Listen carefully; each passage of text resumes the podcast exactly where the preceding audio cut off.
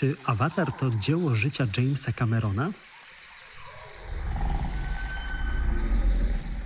Kim jest etnomuzykolożka Wanda Bryant? Czym jest CGI i czy ktoś jeszcze w ogóle chodzi do kina na filmy 3D?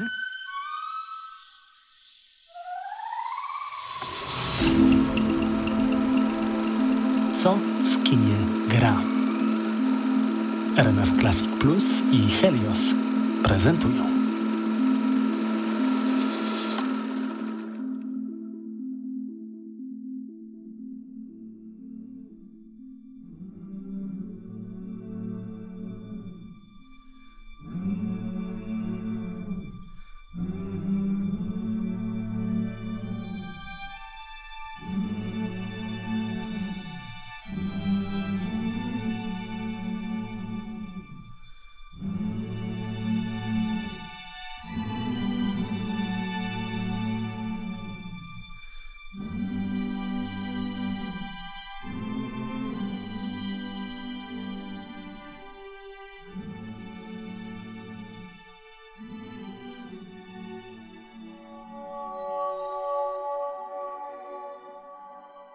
Jako, że to jest pierwszy odcinek naszego podcastu, to może kilka słów wprowadzenia. We wrześniu 2022 roku startuje nasz wspólny projekt, nasz, czyli sieci Kin Helios i RMF Classic Plus. Co miesiąc w całej Polsce będziemy pokazywać filmy, głównie premierowe, ale będą też klasyki, w których to muzyka filmowa jest tak samo ważna jak warstwa wizualna, jak scenariusz oraz jak odpowiedni dobór aktorów, no bo to wszystko przecież wpływa na cały film. Ten podcast jest zapowiedzią każdego z seansów specjalnych, ale przygotowaliśmy go w taki sposób, ten podcast oczywiście, żeby był ponadczasowy.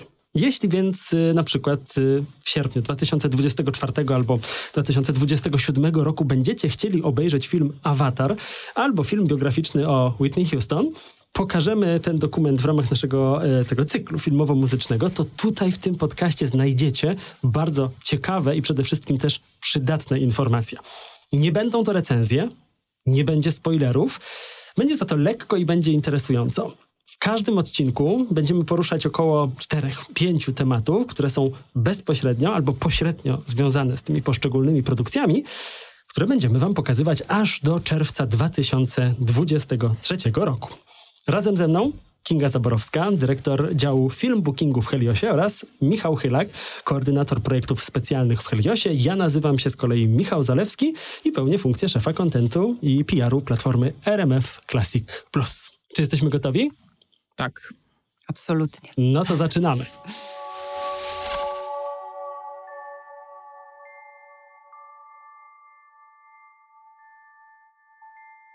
Na samym początku ja powiem bardzo osobistą historię, że widziałem film Avatar, który będziemy pokazywać 25 września, chyba z 30 razy.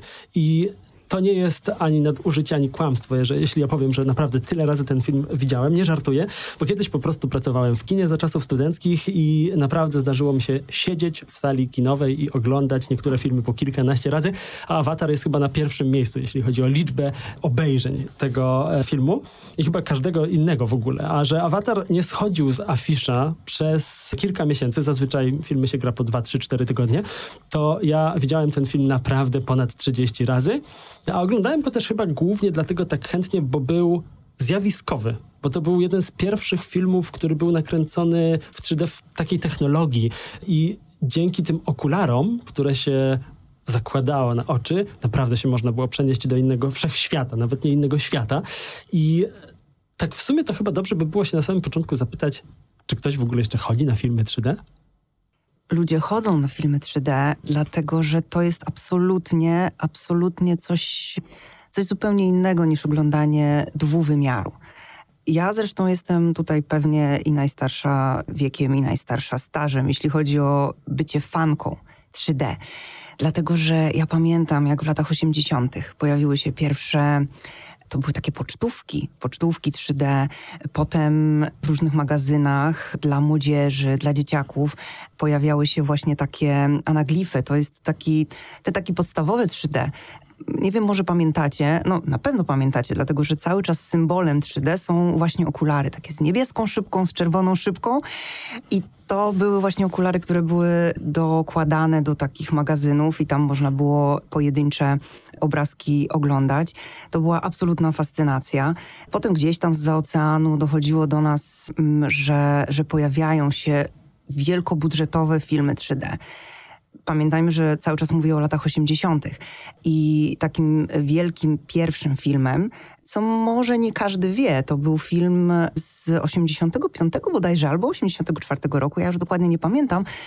To był film Captain EO, który był zrobiony specjalnie na zamówienie Disneya do ich Disney World.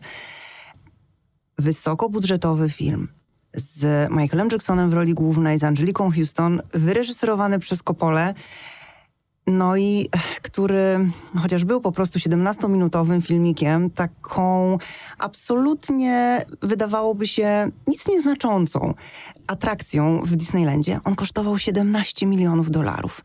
To były lata 80. i to był początek 3D.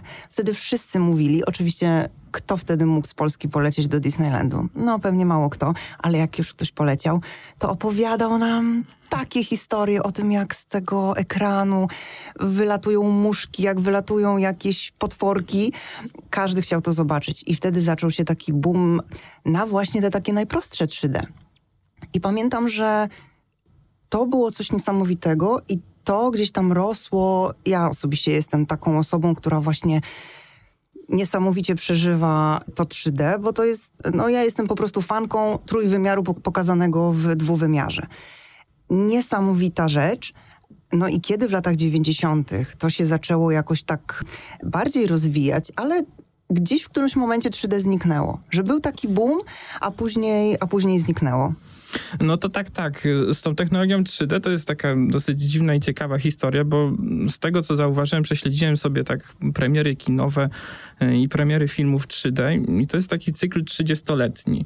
Co 30 lat 3D powraca w glorii i chwale i zwiastuje się w ogóle stworzenie jakiegoś niesamowitych światów, niesamowitych y, obrazów, po czym ta euforia opada i to wszystko tak opada, opada coraz niżej, coraz niżej i znowu za kolejne kilkanaście lat 3D y, powraca. Mm, wydaje mi się, że tutaj takim jednym z punktów, które były takie bardzo istotne, była właśnie premiera Awatara, y, którego będziemy prezentować podczas pierwszej odsłony naszego cyklu w kinach.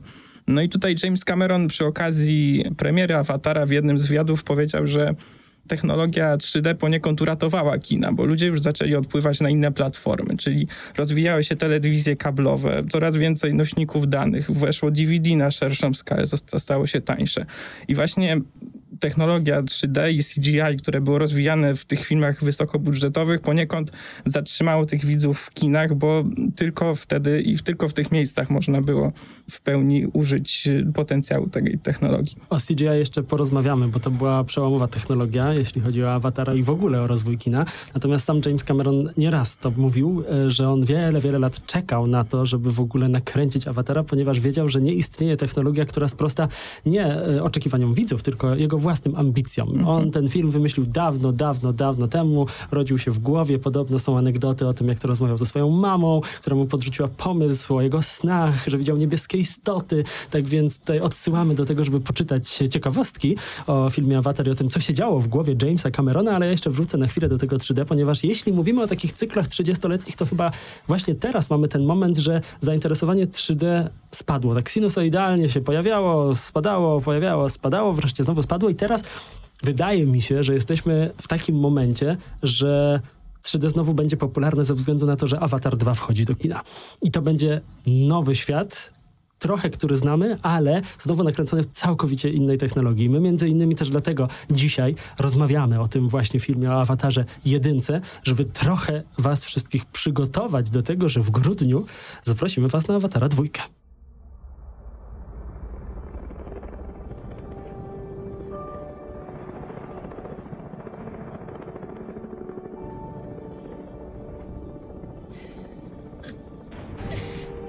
See your faces.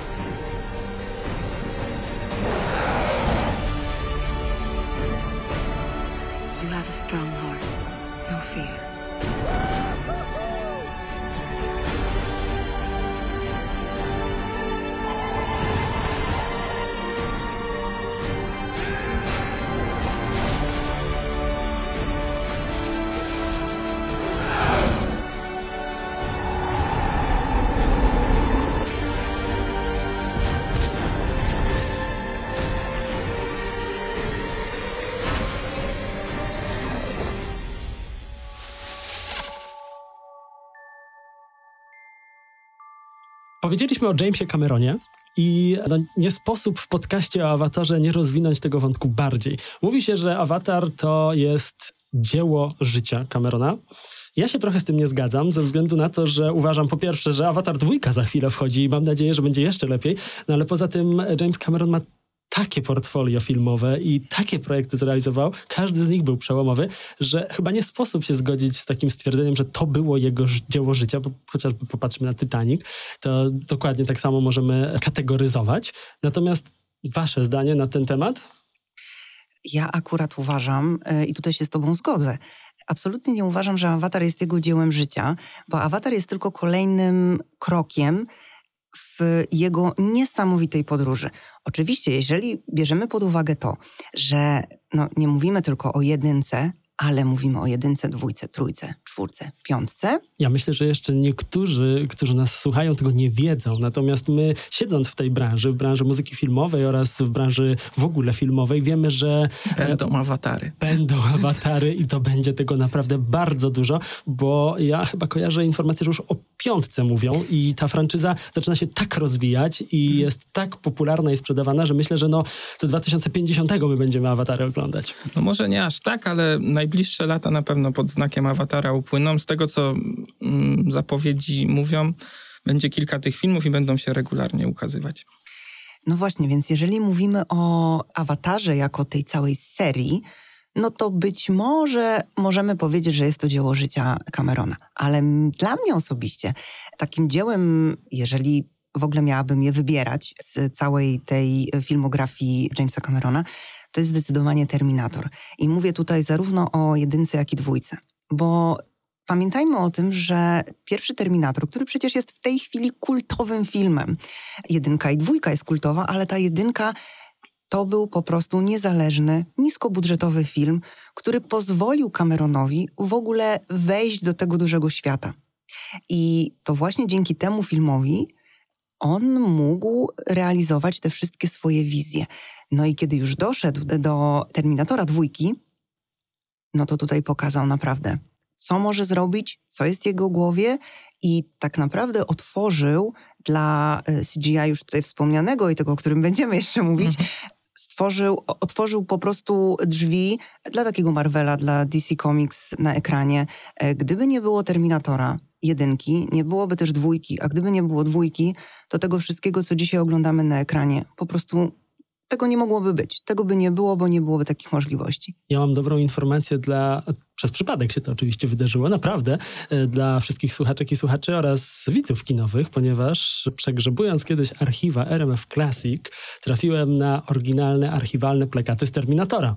I to nie było planowane wcześniej podczas tego podcastu, natomiast te osoby, które, uwaga, posłuchają tego podcastu i będą zainteresowane takimi plakatami, to ja ze dwa albo trzy mogę przeznaczyć w ramach dobrej współpracy i jakiegoś takiego zachęcenia do udziału w naszym cyklu. Więc ci, którzy są zainteresowani, niech napiszą do mnie na michał.zalewski.rmfclassic.pl, bo mam kilka takich plakatów. Wątek poboczny się wkradł, ale całkiem e, chyba myślę, że dobry. No wydaje mi się, że bardzo dobry. No taki plakat to jest prawdziwa gratka.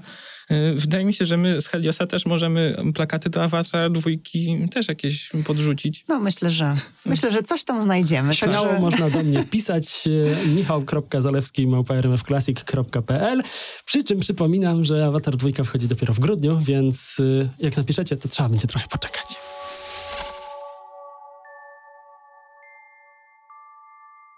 To przejdźmy w takim razie do tego CGI, bo tak e, my tutaj eksperci, profesjonaliści, świat filmowy, muzyczny sobie opowiadamy o tym CGI albo po polsku CGI-u, e, natomiast większość ludzi prawdopodobnie nie wie, co to jest za technologia. Więc ja teraz daję wam pole do popisu, oddaję wam mikrofony i Kinga już się wyrywa do odpowiedzi, żeby opowiedzieć wam, czym ten CGI jest. Ja tylko jako podprowadzenie mogę powiedzieć, że jeśli kiedyś zatraciliście się w oglądaniu filmów, e, filmików na Instagramie albo na TikToku, to na pewno gdzieś kiedyś jakoś pojawił się taki filmik, że jest kobieta lub mężczyzna ubrany w monokolorystyczny strój, zazwyczaj szary, ma na sobie mnóstwo dziwnych kuleczek y, oraz czujników i robi bardzo dziwne rzeczy. I to jest właśnie podprowadzenie do CGI-a. Przekazuję głos Kingce. Ja się wyrywam, dlatego że ja w ogóle jestem fanką tych wszystkich takich trików, które y, dzieją się w kinie, w ogóle magii kina i w tej chwili, kiedy mamy już właśnie to, magiczne i tajemnicze CGI, no to tych trików i tej magii jest dużo więcej. CGI tak naprawdę to po prostu Computer Generated Imaginary albo Images, czyli komputerowo wygenerowane obrazy. Więc przestaje to być takie tajemnicze. Natomiast to oczywiście pozwala wykreować każdy, absolutnie każdy wymyślony świat. Tutaj to już jest tylko i wyłącznie sky's the limit. Jak to się ma w takim razie do awatara? Jak to się do, ma do awatara? Yy, przede wszystkim to James Cameron tak jak już zresztą wspominałam przy okazji Terminatora, James Cameron jest uważany za taką osobę, która wprowadziła na szeroką skalę CGI do kinematografii. On przy Terminatorze pracował, a pamiętajmy, że cały czas w głowie ma tego awatara. To, o czym wspominałeś dużo wcześniej, że on cały czas czekał, aż będzie w stanie to wszystko, co ma w głowie, te wszystkie niebieskie stworki, całą Pandorę, będzie mógł wykreować w taki sposób, jak to widzi w głowie.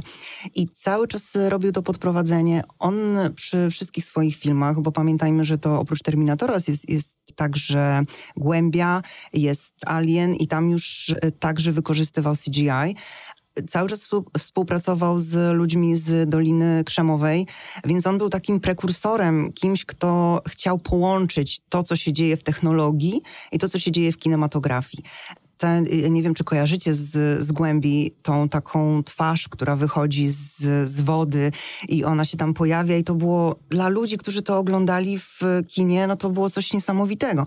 Oczywiście samo CGI ma swoją historię jeszcze tam w latach 70. bodajże, bo pierwszy taki wygenerowany właśnie komputerowo y, obraz pojawił się, jeśli dobrze pamiętam, w 71 roku to był Westworld.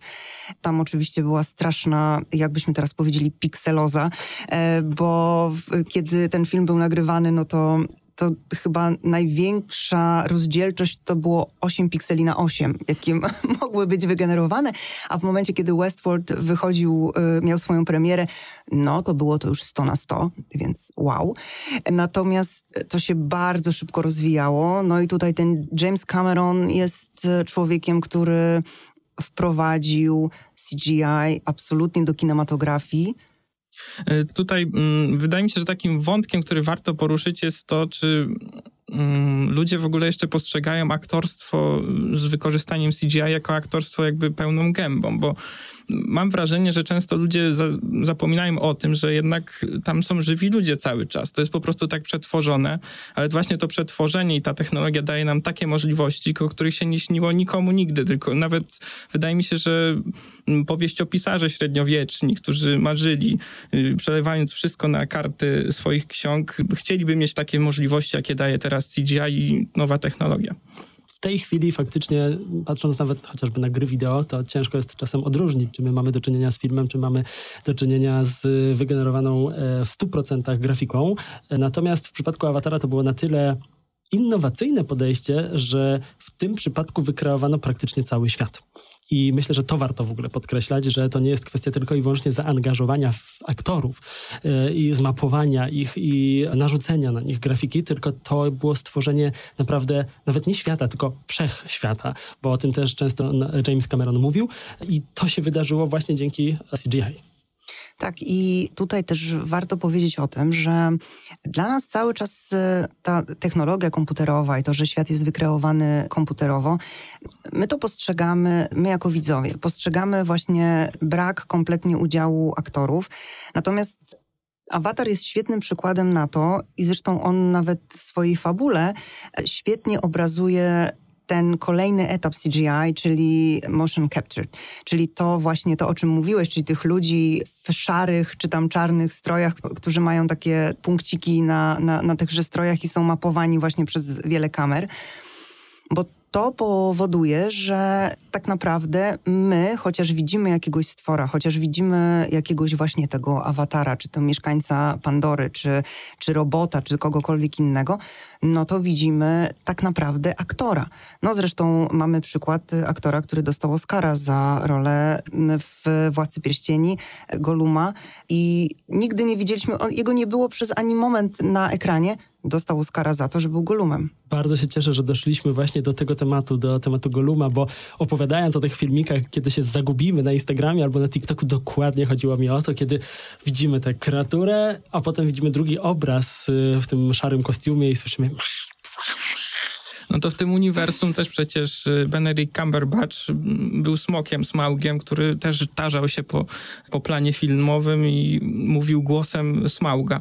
W ogóle tak mi się wydaje, że te możliwości, które daje CGI i przetwarzanie obrazu, mogą wskrzesić wielu aktorów. Miało to miejsce choćby przy ostatnich Gwiezdnych Wojnach, kiedy wskrzeszono y, admirała, człowiek, który od kilkunastu czy kilkudziesięciu lat już nie jest na tym świecie, powrócił w filmie i w ogóle nie można było się poznać, że, że to jest y, komputerowa wyobraźnia. Tak, tylko teraz jest pytanie takie, już powiedziałabym, e, czysto etyczne. Czy to jest właściwe? Gdzie są granice? E, tak, gdzie są granice? Ja też pamiętam, tu wracając jeszcze, ja jestem w ogóle fanką Michaela Jacksona, dlatego e, mówiłam o Captain EO i teraz też jak wspomniałeś o tym, to przypomniało mi się, że też e, po, po śmierci Jacksona on był również jako hologram, też został wskrzeszony i szczerze powiedziawszy, ja mam mieszane uczucia co do tego.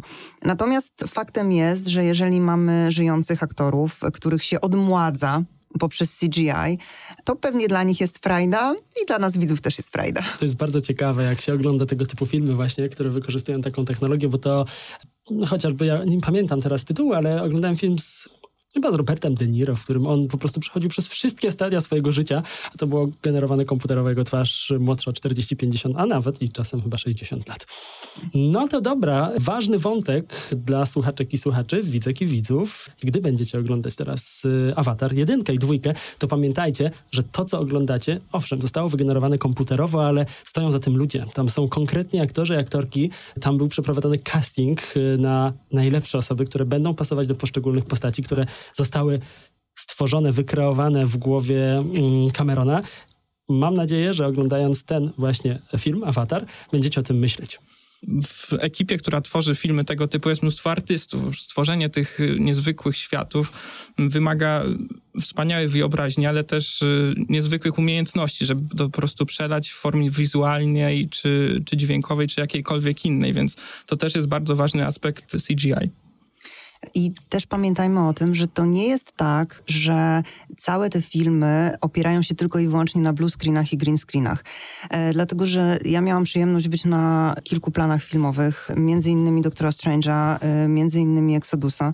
I tam naprawdę są zbudowane scenografie, te scenografie są uzupełniane, są pewne sceny uzupełniane tym CGI.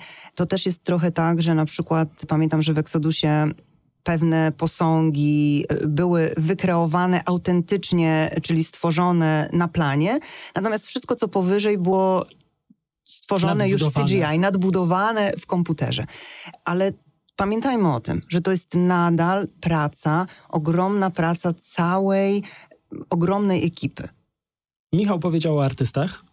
I teraz oddamy czas artystom i artystkom, ponieważ y, to chyba jest najlepszy moment, żeby posłuchać fragmentu ścieżki dźwiękowej z filmu Avatar. Serdecznie Was zapraszamy, żeby teraz na dosłownie kilka chwil zamknąć oczy i zanurzyć się w Pandorze. Wracamy do Was dosłownie za kilkadziesiąt sekund.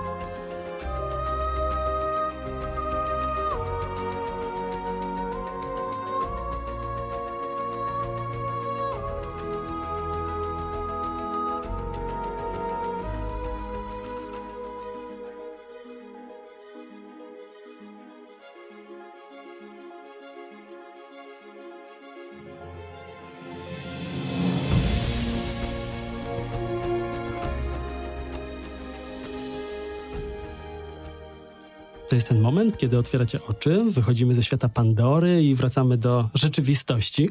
My w tej chwili, w tej rzeczywistości naszej jesteśmy w studiu RMF Classic w Warszawie.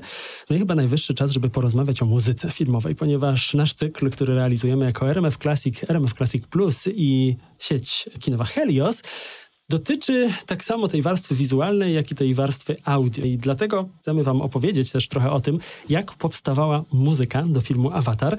I to jest też prośba z naszej strony, że oglądając ten film, żebyście pamiętali o tym, o czym my w tej chwili mówimy. Ponieważ y, zazwyczaj jak tworzy się jakiś film, to w głowie kompozytora powstaje koncept, y, główny temat. Oczywiście współpracuje taki kompozytor z całym zespołem gigantycznym, który tworzy instrumentację, który pomaga, podrzuca pomysły. Natomiast tutaj sytuacja była dosyć nietypowa, ponieważ James Horner, który jest twórcą muzyki, zaprosił do współpracy etnomuzykolożkę, Wanda Bryant, y, która jest światowej sławy ekspertką od etnomuzykologii, ale jest też niezwykle skromną osobą. Ona praktycznie nigdzie się nie pokazuje. Mało materiałów z nią i o niej jest w sieci. Natomiast y, jeśli chodzi o awatara, to uchyliła rąbka tajemnicy.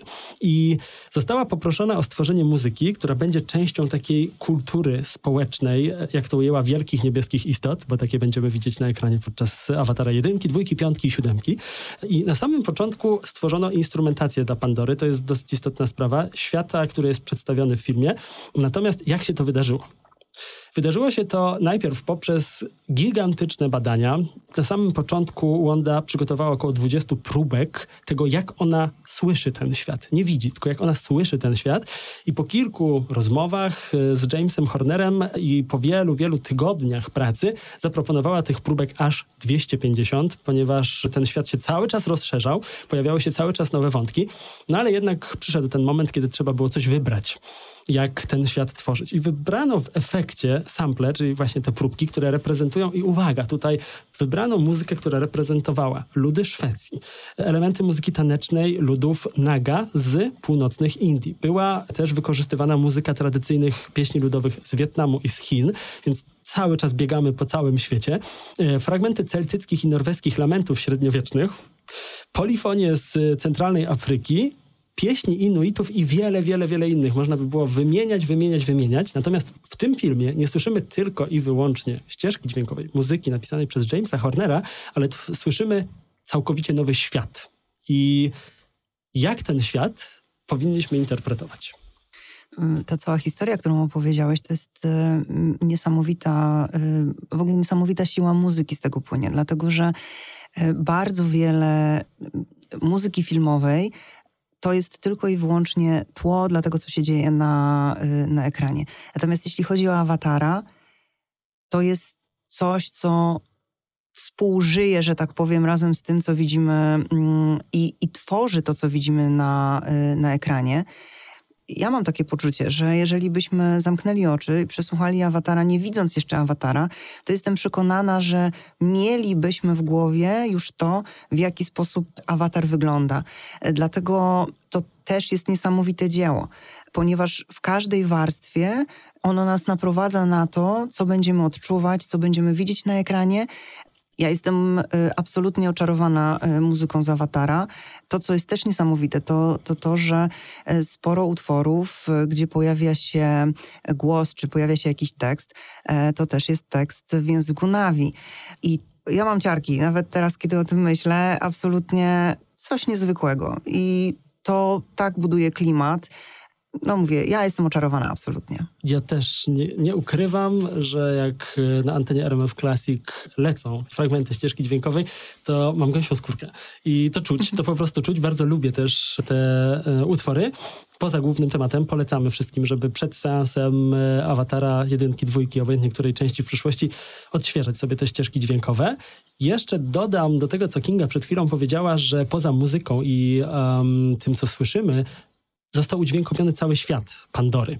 Poza tym językiem, o którym ty wspomniałaś, który został stworzony od zera, bo to jest całkowicie nowy język. My najbardziej chyba znamy ten język elficki, który jest ze świata uniwersum Tolkiena. E, Tolkiena. Albo klingoński. O, klingoński tak. ze Star Treka. Tak To... jest. Natomiast tutaj na potrzeby tego filmu też został stworzony całkowicie nowy język, który jest bardzo melodyjny. On też może być odbierany jako element muzyki filmowej albo ścieżki dźwiękowej, bo jak posłuchamy, jak mówią postaci, te nasze wielkie niebieskie stwory, to to naprawdę jest też bardzo melodyjne, wciągające. Natomiast udźwiękowienie świata awatara polegało także na stworzeniu takich e, dźwiękowych aspektów ruchu poszczególnych postaci, samego środowiska, bo to środowisko Pandory tam jest niezwykle różnorodne, bujne, e, często intrygujące, przerażające.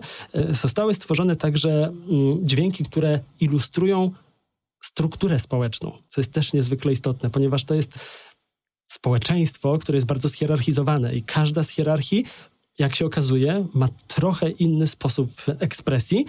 Też o, oczywiście zostały udźwiękowione tradycje kulturowe, bo my nie wchodzimy w nowy świat, tylko świat, który istnieje od bardzo, bardzo wielu lat.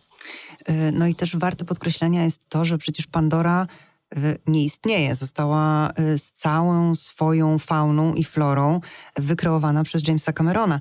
I to także trzeba było udźwiękowić, to także trzeba było w taki sposób stworzyć, żeby do tej muzyki pasowało. A może nie tyle, żeby do muzyki pasowało, tylko żeby to wszystko tworzyło jedną pełną całość. Właśnie jeśli chodzi o te wszystkie dźwięki, to z tego co wiem, James Cameron bardzo chciał, tak samo przy tworzeniu języka, żeby, żeby to wszystko było tworzone równolegle, żeby to wszystko było tworzone razem, po to właśnie, żeby stworzyć muzykę Pandory. Nie muzykę ilustrującą film, tylko muzykę Pandory. Muzykę, która będzie zawierała zarówno ścieżkę dźwiękową stricte, ale także to wszystko, co się dzieje na Pandorze, e, język Pandory, ten język Nawi, e, to wszystko miało tworzyć muzykę Pandory.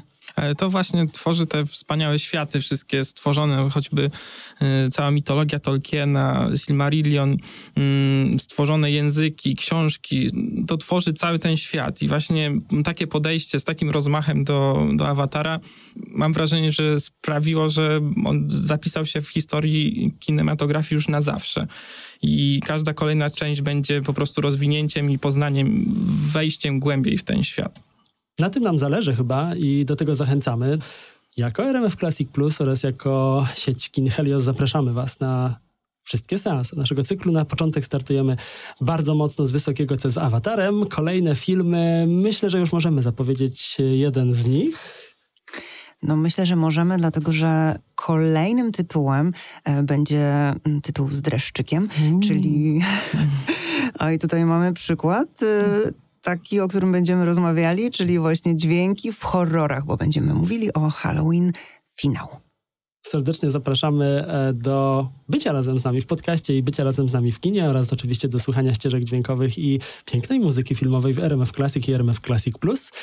E, I oczywiście liczymy na współpracę z wami, czyli po pierwsze mam nadzieję, że spotkamy się w kinach, a po drugie dajcie nam znać, e, co myślicie o filmie Avatar, ale także co myślicie o naszym podcaście. My bardzo chętnie poczytamy, czekamy na informacje od was na mojej skrzynce mailowej e, Przejrzę wszystkie maile, obiecuję. michał.zalewski.rmfclassic.pl Dajcie znać e, i podrzućcie nam też jakieś tematy. My chętnie o nich opowiemy na antenie oraz podzielimy się w mediach społecznościowych. A ja przypomnę, że moimi oraz waszymi gośćmi byli Kinga Zabrowska, dyrektor film bookingów sieci Hidden Helios oraz Michał Chylak, który jest koordynatorem projektów specjalnych w Heliosie. Ja nazywam się Michał Zalewski e, i jestem Head of Public Relations oraz Content w RMF Classic Plus, a program realizował dla nas Łukasz Łukasik. W materiale zostały użyte następujące fragmenty ścieżek dźwiękowych w kolejności. Fragment ścieżki dźwiękowej filmu The Sounds of Pandora, udostępnionego na oficjalnym kanale YouTube projektu Avatar, utwór Shaman Call Soundtrack z płyty Pandora The World of Avatar Walt Disney World, ścieżka dźwiękowa oficjalnego trailera pierwszej części filmu Avatar oraz fragment utworu Becoming One of the People, Becoming One with Neitri, Jamesa Hornera.